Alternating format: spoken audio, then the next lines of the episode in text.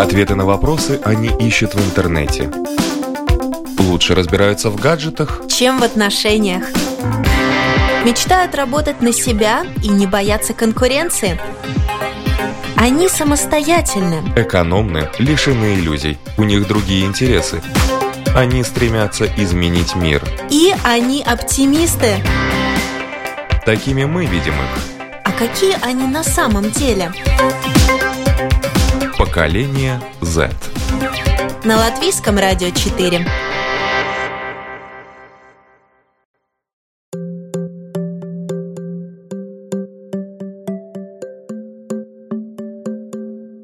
Здравствуйте, уважаемые радиослушатели. В эфире программа «Поколение Z». У микрофона Марина Талафина, за операторским пультом Томс Шупейко, музыкальный редактор программы Виктор Петров и главные действующие лица нашей программы, не устану этого напоминать, это представители молодого поколения, которые уже в ближайшие 5-7 лет э, составят треть от населения нашей планеты. От них очень много зависит. И сегодня ребята предложили поговорить о том, какие возможности есть для поездок за границу как у школьников, так и у студентов через программы Erasmus. И мы сегодня узнаем, в каких международных проектах они уже участвовали. Они поделятся своим опытом и также могут принять участие. Что для этого надо? Я рада приветствовать в студии сегодня а, у нас Анжелика Мария Зуба. Здравствуйте. Анастасия Осюченко. Добрый день. И эксперт. Без эксперта в этом вопросе никуда. У нас э, в гостях координатор проектов Агентства международных молодежных программ Майя Колбрега. Добрый день. Итак, наверное, начнем с того, какой опыт уже есть. Анжелика, пожалуйста, и Настя, поделитесь э, тем, где вы были, куда вы ездили, может быть, куда хотели бы еще съездить. Ну, ну, начнем с того, что в Erasmus я начала участвовать с 2015 года, то есть уже четвертый год пошел, то есть это уже серьезный опыт. У меня была возможность поучаствовать в примерно 10 проектах, Э, Erasmus+, и туда входят не только сами молодежные обмены, но также и тренинг-курсы для уже молодых э, сотрудников.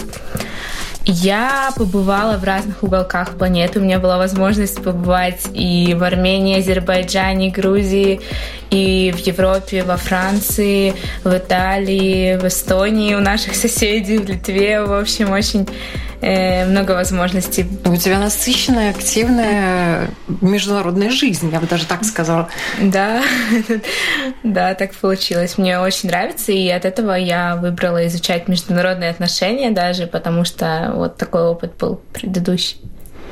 Анастасия. А, что касается меня, мне, наверное, немножко короче история, чем у э, Анжелики.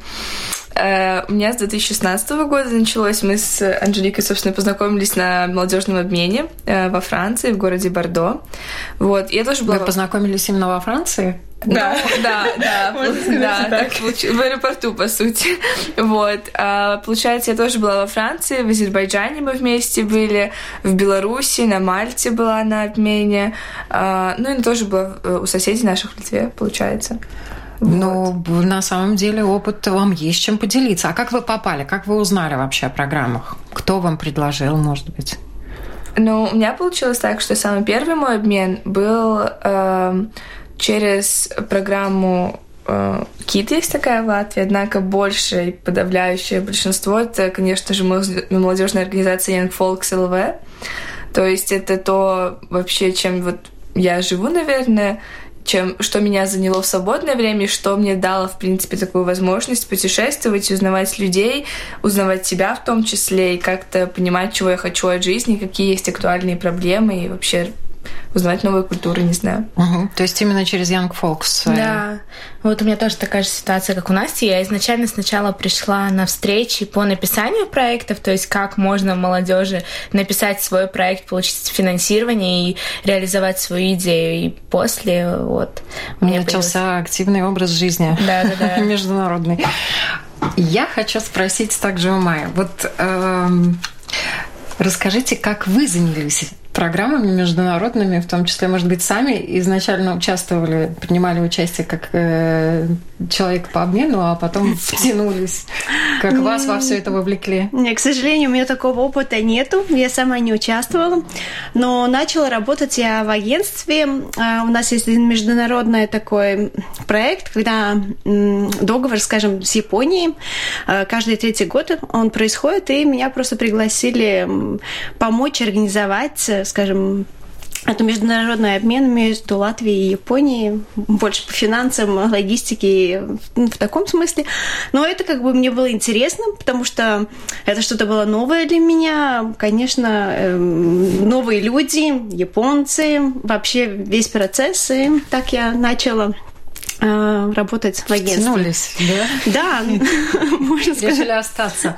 У вас у всех горят глаза, честно вам скажу. когда об этом рассказываете, видно прям, что это такой хороший, классный вирус э, поездки, Erasmus, очень здоровый для перспектив, для развития. Вот что и чему, и где вы обучались, может быть, даже обучали кого-то по этим проектам, по программам? В каких э, непосредственно темах вы участвовали, были задействованы? О, тем, на самом деле, каждый раз э, новая тема, каждый раз куда кидает какую-то неизвестность. Это были и по театру, и по креативному мышлению, и по активная гражданская позиция, что такое быть молодё- э, молодежью Европы и э, гражданином Европы.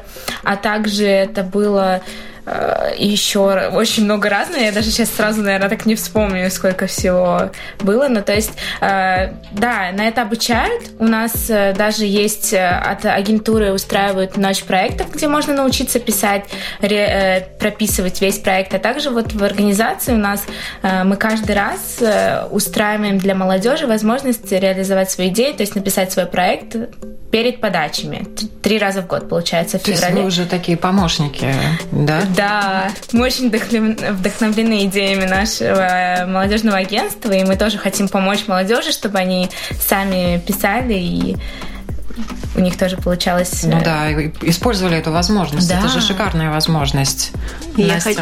да. а, извините, да. я хочу сказать, что вот эта ночь проектов, которую уже упомянула, эм, Анжелика. Анжелика, да, уже в этом году запланированные числа, так что если кто желает участвовать, 10-11 августа, реально 24 часа э, происходит э, активное действие. Мы рассказываем и о программе, и о том, как писать проектов, приглашаем э, разных э, людей, которые вообще рассказывают и про креативность, и про мышление, и ну, разные эксперты приходят, да, и э, мы называем его фестивалем, как бы, когда можно и узнать как бы новых людей, контакты, и... узнать о проектах, о программах. И продвинуть какую-то свою идею. Да, конечно, конечно. Так, уважаемые радиослушатели, родители, бабушки, дедушки, подводим к радиоприемникам э, своих замечательных детей, открываем календари и записываем. 10-11 августа.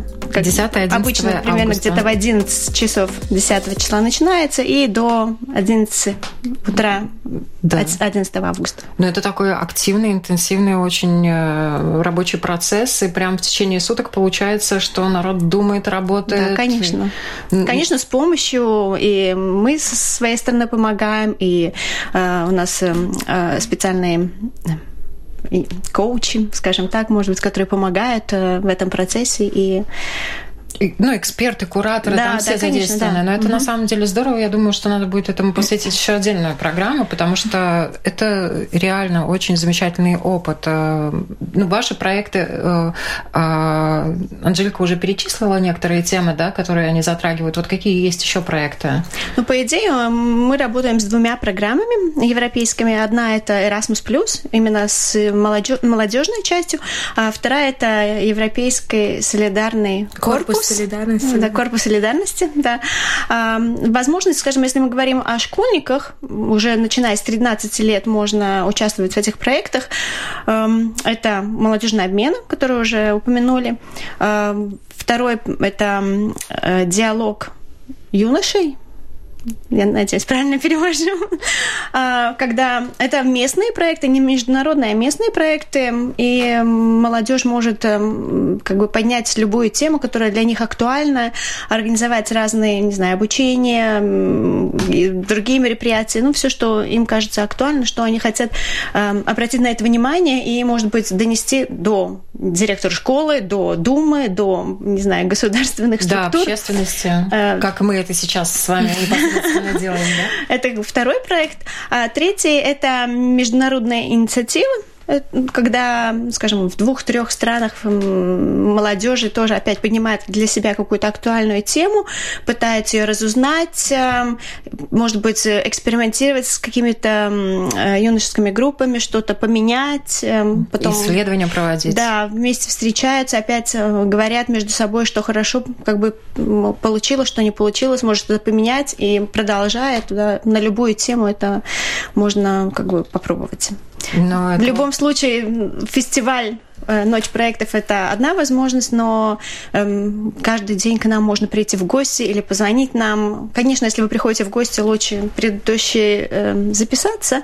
Э, или в последний вторник каждого месяца у нас как бы открытые двери, когда можно приходить без записи и тоже получить консультацию если есть какая-то идея, мы поможем найти дорогу, под какой вид проектов. Э, ну да, если вообще подходит. просто даже никаких идей нет, просто хотите участвовать в Узнать, программе, да. куда-то поехать, и есть возможность прийти и в открытом доступе получить информацию. Конечно. Это, а, да, да. Это, это как бы три возможности для школьников э, в возрасте от 13 лет. Да? Если да. Э, это студенты, скажем, да, уже которым 18, то еще, еще намного больше, больше да, можно заняться волонтерской работой, найти практику, даже работу, первое рабочее место для себя в Латвии или за рубежом, и обучение, как уже тоже упомянула Анжелика. Да. Настя, девчонки, я хотела бы вас спросить, вот во сколько лет первый раз э, вы куда-то поехали, как долго длилось длилась эта поездка? А, ну, у меня первый раз была Франция, мне было 16 лет как раз, и где-то две недели мы там провели в сумме. Вот, был первый мой самый опыт. Вот, да. Вы жили где? Чем занимались в течение двух недель? А, мы жили э, в хостеле в обычном. Вот, ну мы как бы жили все вместе, то есть там не было посторонних людей в нашей комнате, ну просто вот так по бюджету получилось, было очень интересно, мы там встретили тоже разных людей. Вот, э, большая часть, наверное, занятий проходила именно в молодежном центре местном. Э, мы тоже смотрели несколько центров, то есть во Франции это несколько более развито, чем в Латвии, и там молодежным центром, если я не ошибаюсь, по-моему, было 50 лет, они в тот момент примерно праздновали. Мы сравнивали еще, что у нас тогда эта цифра была в несколько раз меньше. Вот. И, ну, как-то, да, мы Главное, что мы все вместе всегда были, а как бы место, где и что и как, это было не так важно, наверное. Как любят э, говорить на конференциях, э, рабочий язык общения, каким был? Это вообще отдельная история. Да, очень э, интересная. Французы. Французы. Ну, как бы э, официально был английский язык, понятное дело. Но во Франции, я думаю, что многим известны большие проблемы с английским Французы считают, что главный язык французский. Да, но несмотря на то, что изначально были какие-то проблемы, то есть что французы боялись некоторые говорить на английском, потому что они его не используют. Стеснялись. Да, просто. наверное, стеснялись больше. Под конец не очень раскрепостились и показали, на самом деле, неплохое знание английского языка. Но даже если они чего-то не знали, даже если мы на французском чего-то не знали, мы прекрасно понимали друг друга, и это ни разу не было никакой проблемой. Ну, это самое главное. Мне кажется, это один из самых больших плюсов, что, ну, скажем, наши школьники тоже учатся английский, но у них нет возможности в ежедневной среде его использовать. Для да, тех, и... кто французский учит по-моему, это вообще шикарная возможность его использовать вообще, да? Да, и вот поэтому эти проекты мне тоже, да, может быть, первый день как бы страшно еще говорить, а может быть, неправильно скажу на английском, все, но когда уже идет э, второй и третий, ты, ну, уже не думаешь о том, что и как ты говоришь, просто уже начинаешь говорить и... Да, и тебя все равно понимают. Да, конечно, потому что все на таком уровне, да, ну, скажем так. Что ломаный на ломаном друг друга понимают. Это так, в принципе, и работает. Язык жестов, опять же, никто не отменял, да. Ну, хочется всегда максимально максимально вовлечься в процесс, и, может быть, в первые дни, пока никого не знаешь, э, ты как-то еще стесняешься, а потом ты уже даже не думаешь об этом, потому что хочется получить максимум от проекта. Ты понимаешь, что это какой-то уникальный опыт, и что все вот эти вот языки, еще что-то никто не осуждает. Это не контрольная, не школа, ничего. Это, ну, там вообще другие цели. Ну mm-hmm. да. И самое главное, действительно, времени ограниченное количество. Хочется сделать много, пообщаться да. со многими, познакомиться со многими. Вот, э, Анжелика, хочется у тебя спросить, у тебя за плечами огромное количество проектов. Э, самые долгоиграющие твои проекты, в которых ты участвовала? Ой, вот это, наверное, начиная с нашего первого проекта. У нас был русскоязычный проект. Мы, мы встретились Украина, Литва, Эстония и э, Грузия непосредственно. И мы так сдружились, что у нас последующие три проекта были вместе. И в прошлом году Новый год мы праздновали вместе. Абсолютно 35, 30 э, человек из 35 приехали в Латвию, чтобы вместе отпраздновать Новый год. Это просто замечательно. И вот получается, что три года подряд мы писали проекты. И, конечно, разные компании встречались, но в сумме вот мы так сдружились, что мы вместе виделись и продолжали общение. Сейчас уже немного все подросли, уже другие проекты, уже другие возможности, и мы находимся все в разных уголках мира, но э, периодически общаемся и поддерживаем контакт. Ну, в любом случае, контакты удобно приехать в гости да, в любую страну. Ну да, и чем больше географии, тем больше друзей. И спасибо большое. Сейчас э, социальные сети есть, можно поддерживать отношения очень хорошо. Если раньше там 50 лет назад в той же Франции, хорошо, если по телефону общались, да, разъехавшись, то, ну, письма, наверное, друг другу писали, которые по неделе по две шли, То сейчас э, смс-ку кинул, все, я приезжаю, встречайте. Но, кстати, смс и вот письма это осталось осталось. У нас есть такое, что мы, например, на Рождество друг другу письма отправляли. Или бумажные. Да, бумажные. Или сейчас мы нашим партнерам во Францию отправляли с ребятами большое такое подарочки им, большую такую упаковочку подарков. И до сих пор это... Но это уже такой бонус, да? Да, да. Это уже... Но это так ценится сейчас тоже. Вот такие. Не только просто написать смс как ты, все ли у тебя хорошо, а именно вот знак внимания, что ты знаешь и помнишь об этом человеке.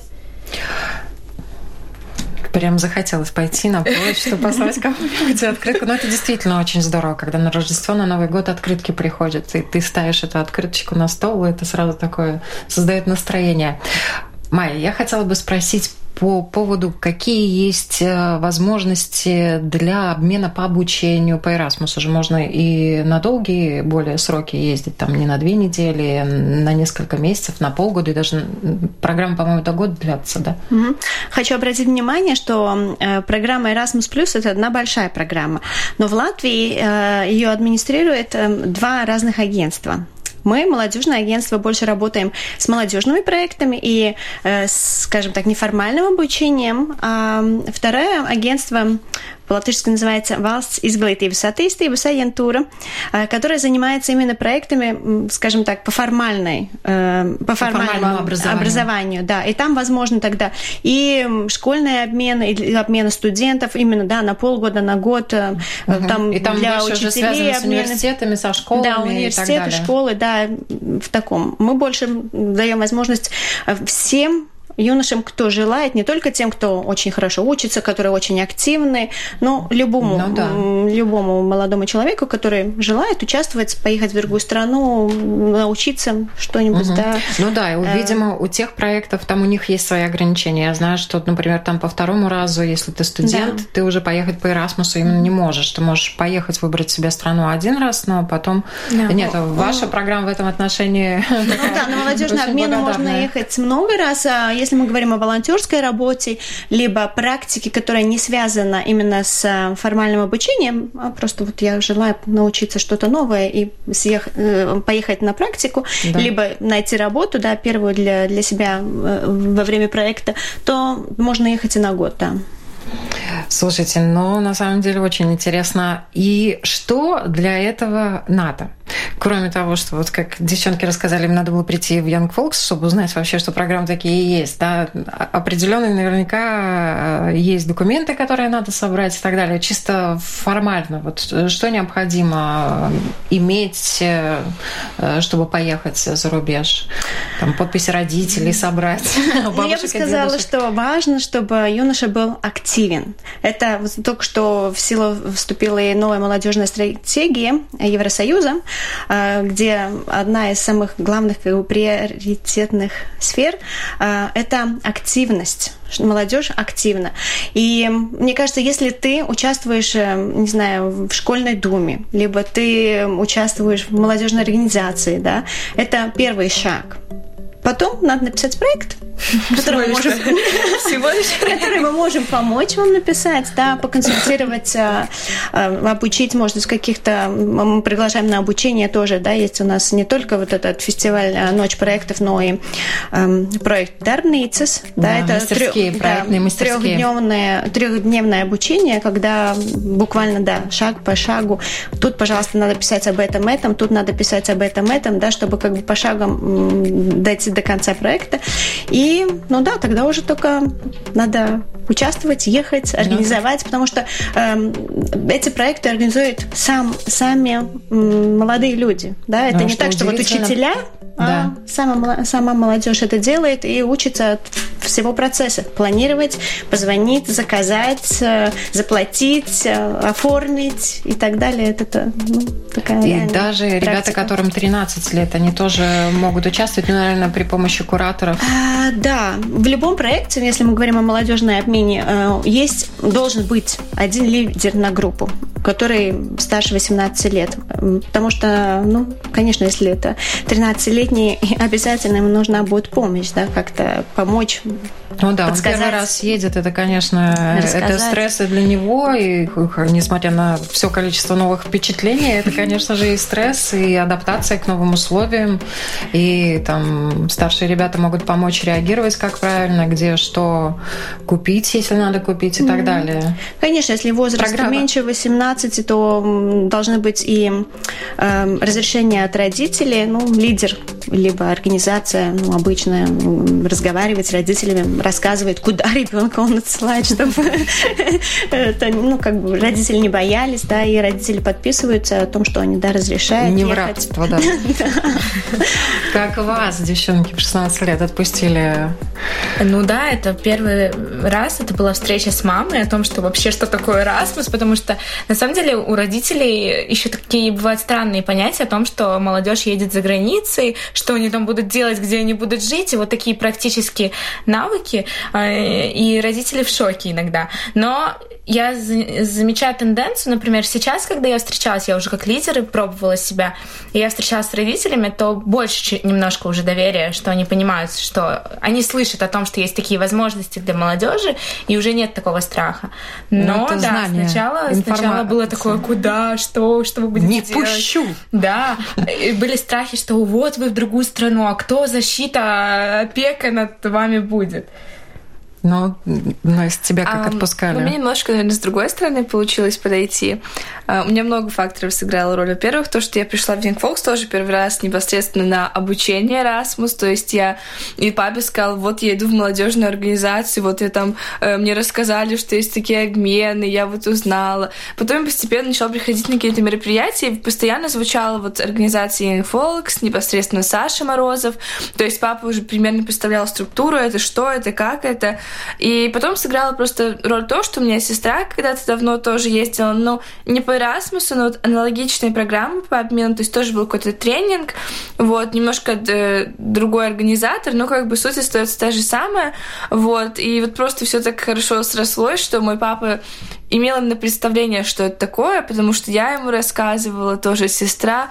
Вот. Ну и была, конечно, возможность прийти, там, поговорить непосредственно с Сашей Морозовым, там, в организацию, с теми, кто ездил, но у меня даже не было в этом надобности в итоге. И это несмотря на то, что мой папа достаточно строгий человек, и кроме как с обменами не пускал меня до 18 лет никуда, ну, вот.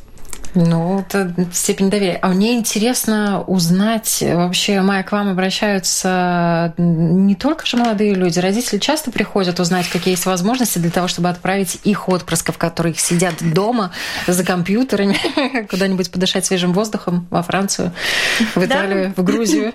Бывает, конечно, но мы больше работаем с организациями, потому что организация уже дальше работает э, с молодежью. Да? Да. Но бывает, да, что приходит мама, либо бабушки, либо мама с э, своим молодым человеком и спрашивает, да, какие возможности, куда можно отослать чтобы он э, стал более сам самостоятельным, да. Осознанный. Хочется узнать, раз уже заговорили о том, что дают эти программы, вот что вам дали эти программы?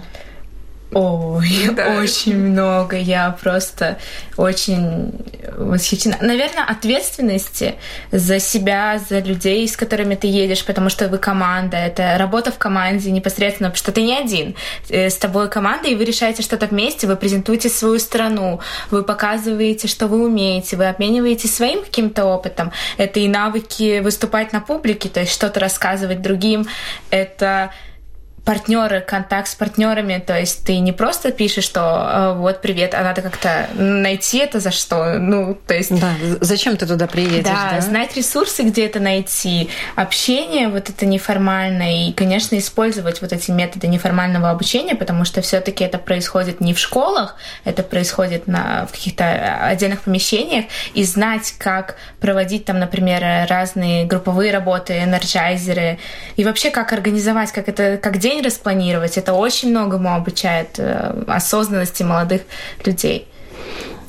Ну, я тут, конечно, со всем, что сказала Анжелика, согласна. Тут, ну, каждый проект, он ведь имеет какую-то свою тему, изначальную цель. То есть помимо вот э, тех задач, которые раскрываются в рамках непосредственно цели проекта, есть вот именно что-то общее каждый раз. Ты узнаешь новую культуру. Я говорю, для меня это, наверное, самый важный аспект, то, что я узнавала людей, встречала разных людей, те, с которыми легко находить контакты, те, с которыми не очень легко. И вот это, наверное, самая большая ценность для меня вот сейчас уже в моей жизни.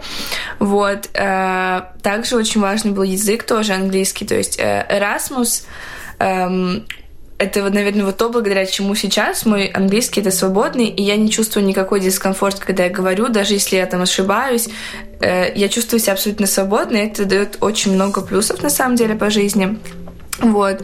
А тоже это все вот эта организованность, структурированность, то есть умение найти подход к чему-то, ответственность за самого себя. Когда ты едешь и понимаешь, что да, непосредственно есть, конечно, взрослый человек, когда тебе нет 18, но а, все равно ты ответственен сам за себя, именно потому что как бы ну, не хочется же там подставить человека ответственного. То есть ты должен собраться, там не нарушать никакие правила, там, не знаю, но при этом как-то свободно себя чувствовать, вести себя свободно, быть открытым. Ну да. Вот.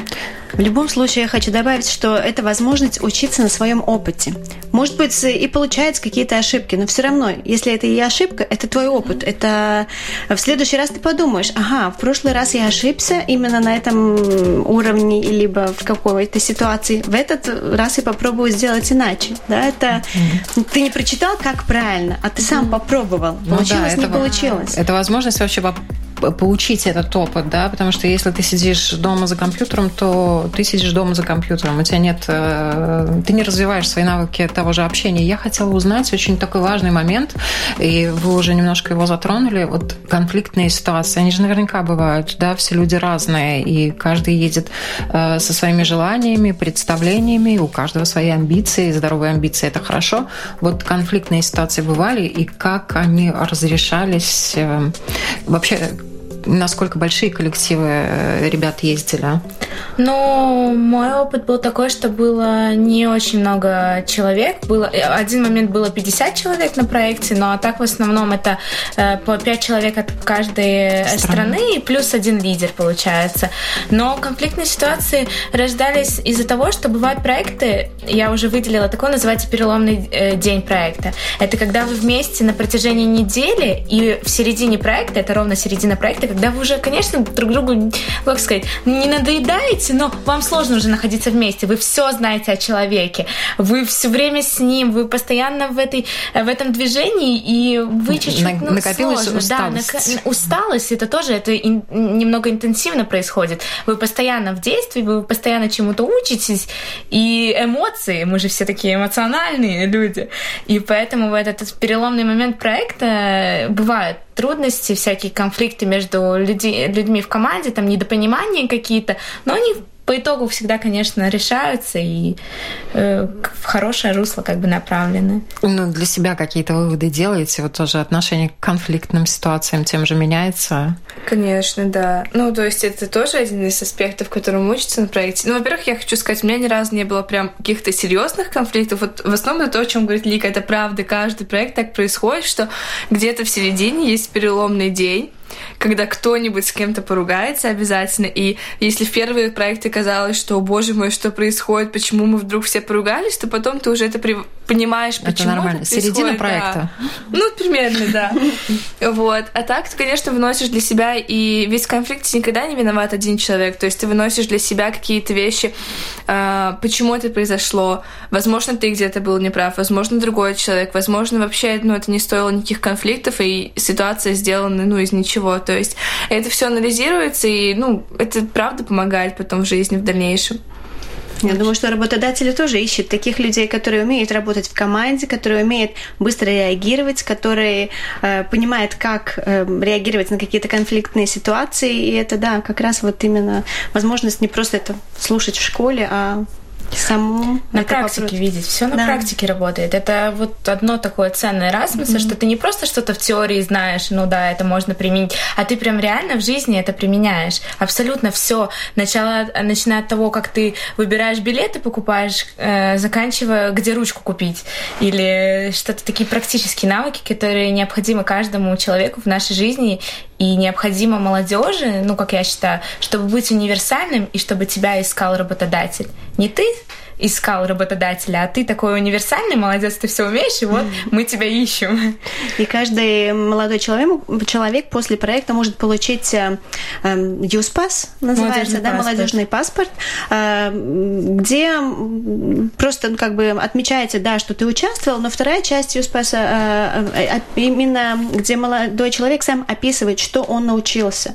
И это может помочь в тот момент, когда ты идешь на интервью, скажем, к работодателю, да, у тебя уже э, в таком концентрированном, концентрированном виде уже написано, да, что я умею, какая у меня есть практика, и ну, ты себя можешь уже как бы рекламировать работодатель, да. А самое важное, что когда у тебя есть этот молодежный паспорт, ты можешь что-то о себе сказать. Ты можешь прийти на интервью, потому что ты анализируешь, что ты, какую работу ты проделал, и ты можешь прийти и сказать не, то, не только, что у меня хорошие навыки коммуникации, а что я умею достаточно много, и, и это не только коммуникация, и я могу разговаривать на английском, а то, что я работал в группе, когда мы высказывали мнение по этому поводу, то есть более глубокий такой анализ. Но тут это своего рода такое приложение к CV, да, да можно сказать Причем серьезное очень, без весомая. В многих странах э, даже это, когда берут э, человека на работу, если у него есть, вот скажем, такое описание, да, это ему как плюс. Мы Бонус. в Латвии еще работаем над этим, чтобы многие работодатели тоже знали и брали это как, как бонус, да, но mm-hmm. мы еще в процессе, но, скажем, вот э, старая Европа, mm-hmm. это там более развитые, да, это... А как много ребят у нас ежегодно вот э, участвуют в этих программах? Я буквально недавно смотрела на цифры с 2014 года. Да? Вот 2014-2018 год э, больше, чем 11 тысяч молодых mm. людей из Латвии участвовали в проектах. И в основном сами по своей инициативе, да? Но они а, ну, вовлечены. Да, это, эта цифра состоит из тех, которые куда-то едут, как партнеры в проекте. Это те, которые сами пишут проекты, да, ну вот в общей сложности больше, чем 11 тысяч. Э, То есть ежегодно несколько тысяч, ну, две с половиной тысячи, две с половиной три тысячи уезжают по этим уезжают, программам. либо участвуют тут же в Латвии. Ну, как бы, да. Весомо. Мы рады таким цифрам. То, что касается непосредственно э, ребят, перед тем, как их отправить куда-то, да, вот они написали проект, с ними еще дополнительно здесь работают? А, да, мы, ну, как я говорил, мы организуем обучение перед тем, как подается проект, но мы организуем встречи после того, как проект подтвержден, да, угу. когда уже подписывается кон- контракт, мы встречаемся, еще раз разговариваем, рассказываем о том, э, как надо будет потом подготовить отчет, либо как э, не забыть о э, Распространение результата. Распространение результата и видимости вообще проекта, программы, эм, спонсора, ну, с которой дал на это финансирование, потому что проекты эм, финансированы стопроцентно, да, самим не надо вкладывать эм, Ничего. ни цента, да, скажем да. так. Но это тоже важный момент финансирования и финансирования в том числе карманных расходов да. Понятно, что на две недели наверняка там родители могут подкинуть э, деньги, да, но там идет и э, распределение средств, вы же едете, вам там надо чем-то питаться, да, и питаться надо группе. Тут получается, что старший, э, он как-то за этим следит, это контролирует, и как это происходит? А, ну да, потому что проекты, когда уже подается проект, там не надо самим сидеть, считать, сколько мне надо будет на еду, сколько на дорогу. А, Еврокомиссия уже подготовила разные калькуляторы, по которым просто рассчитывается бюджет, да, скажем, в Латвии 3-4 евро на день на человека, да, и в общей сложности получается сумма. Потом это уже задача, да, команды, лидера распределить, сколько нам надо на дорогу, сколько на еду, сколько на карманные расходы, может быть, сколько на э, какие-то материалы. Ну, Тут еще один важный момент экономический, да, это обучение не только коммуникационным навыкам, но и планирование бюджета, финансов, да, бюджета, да, да. причем не только для себя, там я могу один день не поесть. Даже для группы тут... Э, для своей команды и для партнеров. Это да, потому да. что тот, кто подает проект, тот получает э, все финансирование на на, на всю все группу страны, и да. принимающую сторону, да, да, да, да на все и, соответственно, страны. идет угу, распределение. Распределить, разделить. Да, где вкуснее всего кормили, хочется сразу спросить. Ой, не знаю. Кто занимался этим вопросом снабжения? Он, ну, наверное, во Франции было очень вкусно, потому что у нас был волонтер, прям который специально для нас готовил. То есть да. человек на добровольной основе да, сам да. готовил. Там очень основательно подошли к этому вопросу. То есть мы не просто ходили в какие-то там столовые, а вот правда человек, и он это делал абсолютно вот с саможеланием, то есть никто не заставлял, он волонтер, он горел этой идеей, и благодаря этому попробовали очень много из местной кухни, наверное. Французской кухни, из да. местной кухни. Извините, пожалуйста, французская кухня это ого, это одна из самых высоких кухонь, да, всего мира. Все стремятся, либо, как говорят, французы едят все, китайцы едят все, да. То есть, но в хорошем смысле они умеют это все так приготовить, что это действительно вкусно. А какие-нибудь, раз уж мы заговорили, гастрономические, не знаю, изыски, которые вот вы вкусили и хотели бы попробовать еще и помните, и любите, или, может быть, сюда привезли, сами чему-то научились готовить, удивили своих родителей, близких? Так, я сейчас так сразу не вспомню, столько всего. Просто каждый день было что-то такое. Да, в каждой стране, ну, как бы, э, в плане самим готовить, у нас только во Франции было так, что э, когда были культурные вечера, то есть на каждом проекте есть культурный вечер каждой страны, вот мы ездили от Латвии, и мы готовили свою еду. Вот. Э, это единственное, что мы готовили, лично я за все проекты, как бы больше... И что вы не... приготовили от Латвии? А, ну, что-то майс из зуб обычно, э, Картофельные блинчики, да. мусс э, Дебисмана. Да. А, что еще? Ну, всякие конфетки привезли, печеньки, вафельные шпроты. Торт, шпроты, да, им понравились. Они просто за две щечки влетали, эти шпроты. Да. Вот, а так, на самом деле, учишься не вот здесь, что касается еды, не практически там готовя ее как-то просто, ну, ты погружаешься в среду, так как есть именно непосредственно представители культуры, ты узнаешь, говоришь, и ты уже знаешь не вот со всяких там сайтов и путеводителях, там, что едят во Франции, а ты знаешь непосредственно от обитателей этой страны. Да. Вот. так узнаешь. Ну, еще я вот была на кулинарном проекте. Даже на таком проекте. Понимаете, как это было? Ты э, твой день состоял из того, что ты утром завтракаешь, потом у тебя теория, как готовить блюдо какой-то страны, потом ты обедаешь, а, потом ты ешь это блюдо, потом ты обедаешь, потом ты опять, и то есть постоянно ты, можно сказать, все время кушаешь. Сколько было... килограммов привезли? Ой, я не помню, но это было... Мы за это больше всего переживали, что потом нас самолет просто закатывать будут. Но на самом деле, да, там те же восточную кухню, там, не знаю, хачапури, хинкали, я потом привезла такая, смотрите, родители, значит, все, что пишут в интернете, там не всегда правда, а вот как надо раскатывать. И сейчас родители, бывает, тоже собираются просто и пробуют готовить эти блюда. Ну, это здорово. На самом деле, я думаю, что ваши родители после этих проектов, они видят, как вы развиваетесь, и вы делитесь с ними, что вы получаете новое от них, там, родители, наверное, Конечно, да. испытывают некоторую гордость. Конечно, счастье. И потом всем там соседям, друзьям да. тоже советуют участвовать. Да, и рассказывают, вот моя приехала, привезла, чему научилась. Ну, Письма, родителям, да. А, родителям тоже интересно, потому что в их время это не было такой возможности взять Конечно. и поехать куда-то. И одно дело, когда ты ездишь просто как турист, то есть, там, не знаю, на отпуск с семьей, это одно.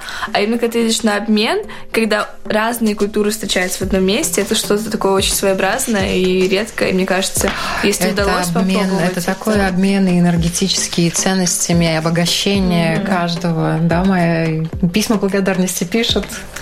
Um, ну, так как мы, говорю, больше работаем с организациями, я думаю, да. может быть, с организацией больше получает этот да, uh, обратную feedback, связь, да. да. да, такое, да, да. да. Потому что мы больше уже тогда видим, насколько проект в конце был удачен, не настолько удачен, да, именно со стороны организации, не mm-hmm. настолько со стороны юношей. А неудачи тоже случаются? Какие-то, ну или промежуточные там какие-то, не, не, не, не совсем те ожидания люди. Ну да, бывает. Слишком большие ожидания. Да, да потому что очень часто э, группы, которые едут э, с северной стороны Европы, они более, как то кажется, ответственные, больше ждут с этого проекта, чем э, ну, южная сторона, они как-то более свободно подходят к этому. Поэтому очень важно, чтобы команда всех стран работала работала вместе, потому что все совпало. Да, чтобы не получилось такой вариант. О, да, мы поедем в Испанию, Испания там проект написала, Испания нас как бы возьмет к себе, и мы приезжаем и там говорят, а, вы идите на пляж и неделю ну можете провести на пляже, да. А я приехал учиться, я хочу разузнать тему, поэтому важно, чтобы ну вот если там проект пойдет три партнера, чтобы все вместе ну как бы и писали его и перед тем как подать тоже менялись, да, эти нюансы Безусловно, да. И есть возможность э, перед тем, как ехать на проект, ехать на два дня на предварительную встречу, встречу когда да, посмотреть, куда мы поедем, кому, еще раз угу. последний раз э, обговорить, что мы будем делать, какая у нас финальная программа, не знаю, заключить между собой договор, сколько ты получишь денег за то и то, сколько мы отдадим, не знаю, там на а, подготовление, сколько на питание, ночлег, на питание, все, да. да. Угу. Там уже можно распределить, конечно. Но это очень правильно, очень толково, очень, ну, естественно. А в каких странах можно побывать благодаря вашему проекту? А, ну, по идее, Erasmus Plus э, можно подать э, и ехать в любую страну, да, но есть... Э, если... Где есть встречающая страна. Да, но в Латвии можно подать проекты именно на партнерство с Евро, со странами Евросоюза и соседними странами, скажем, это эм, Восточной да? блок. блок. Да, там, не знаю, Грузия, Украина, уже как Молдова говорили. Э, это может быть эм, эм, Видус Юрас, Среднеморье. Средиземное, да, Средиземное угу. море, да. Да, там с Египтом можно, не знаю, с эм, Иорданией. И можно и эм, Ретум Балканы. Восточные Балканы. Да, Восточные Балканы. Да, это как бы, ну, все страны, которые вокруг Евросоюза, с этим тоже можно подавать проекты именно нам в Латвии. Ну, на самом Остальные деле, Остальные тогда уже централизировано в Брюссель. Наше время пролетело так незаметно, хочется еще так много всего узнать, поэтому предлагаю еще раз встретиться. В завершении, конечно, наверное, хочется услышать советы тем, кто э, жаждет знаний и путешествий. Давайте, Майя. Ну, я хочу обратить внимание, что вся информация доступна у нас на сайте www.yaunatna.gov.lv Еще раз. www.yaunatna.gov.lv lv. Да, и там информация на латышском языке. Э, проект тоже можно подавать на латышском или английском, да, э, но если нужно, можно прийти на консультации, тоже и на русском мы можем поконсультировать. А, там и есть возможность найти информацию о проектах и где подать, потому что все проекты подаются эм, в онлайне, да, не надо не писать бумаги, ничего, все в интернете. И да, контакты, конечно, найти и обращаться. Главное действовать, главное быть активными, девчонки. Да. Анжела. Ну, я, наверное, начну с того, что я как э, активный человек в организации, я приглашаю в организацию, я, потому что я знаю, что можно у нас, мы часто устраиваем встречи, где ребята делятся опытом своим, где они были, то есть после проекта приезжают и сразу вот я был там-то и там-то, я получил такой-то опыт, и это возможность э, поговорить с теми, кто уже поучаствовал, а также мы тоже устраиваем встречи, где мы пишем эти проекты, и тоже можно приходить непосредственно в организацию, э, всегда можно связываться и узнавать о возможностях участвовать, потому что мы сами тоже тоже пишем проекты и даем возможность другим в них участвовать. Поэтому и, и партнеры предлагают нам из разных других стран, приглашают нас как э, партнеров участвовать в своих проектах. Поэтому приходите в Young Folks и найдете себе огромное количество возможностей. Ну, практически какой-нибудь совет тоже. Да, я согласна с Анжеликой, что нужно приходить в Young Folks, потому что там можно найти ребят, с которыми можно написать проект, с кем поехать и вообще э, увидеть какую-то большую картину, наверное, целостную о том, что такое проект, потому что мы здесь, конечно, поговорили, но можно говорить очень долго. Но и самое главное, наверное, это не бояться, во-первых, подавать заявки, не бояться делать одному, а не как мы все привыкли там с подружками, с друзьями, потому что нужно уметь заводить новые контакты, это никогда не страшно, и нужно... Ну, все люди, в общем, они открыты на самом деле, и поэтому я призываю просто рисковать, не бояться и не опускать руки, если вас не взяли на первый проект, на который вы подали. Это не проблема, возьмут на другой. Спасибо огромное, что были с нами. Я напоминаю, у нас в гостях Анжелика Мария Зуба, Анастасия Сюченко, эксперт, координатор проектов Агентства международных э, молодежных программ Майя Колберга. Спасибо, что пришли, отвечали на наши вопросы, рассказали так интересно о возможностях, которые есть. И, как говорил Максим Горький, учитесь у всех, не подражайте никому. Спасибо. Спасибо. Всем хорошего дня. До свидания.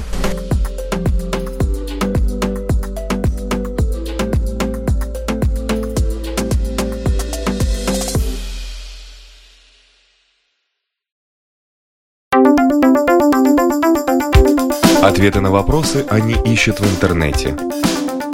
Лучше разбираются в гаджетах, чем в отношениях. Мечтают работать на себя и не бояться конкуренции. Они самостоятельны. Экономны, лишены иллюзий. У них другие интересы. Они стремятся изменить мир. И они оптимисты. Такими мы видим их. А какие они на самом деле? Поколение Z. На латвийском радио 4.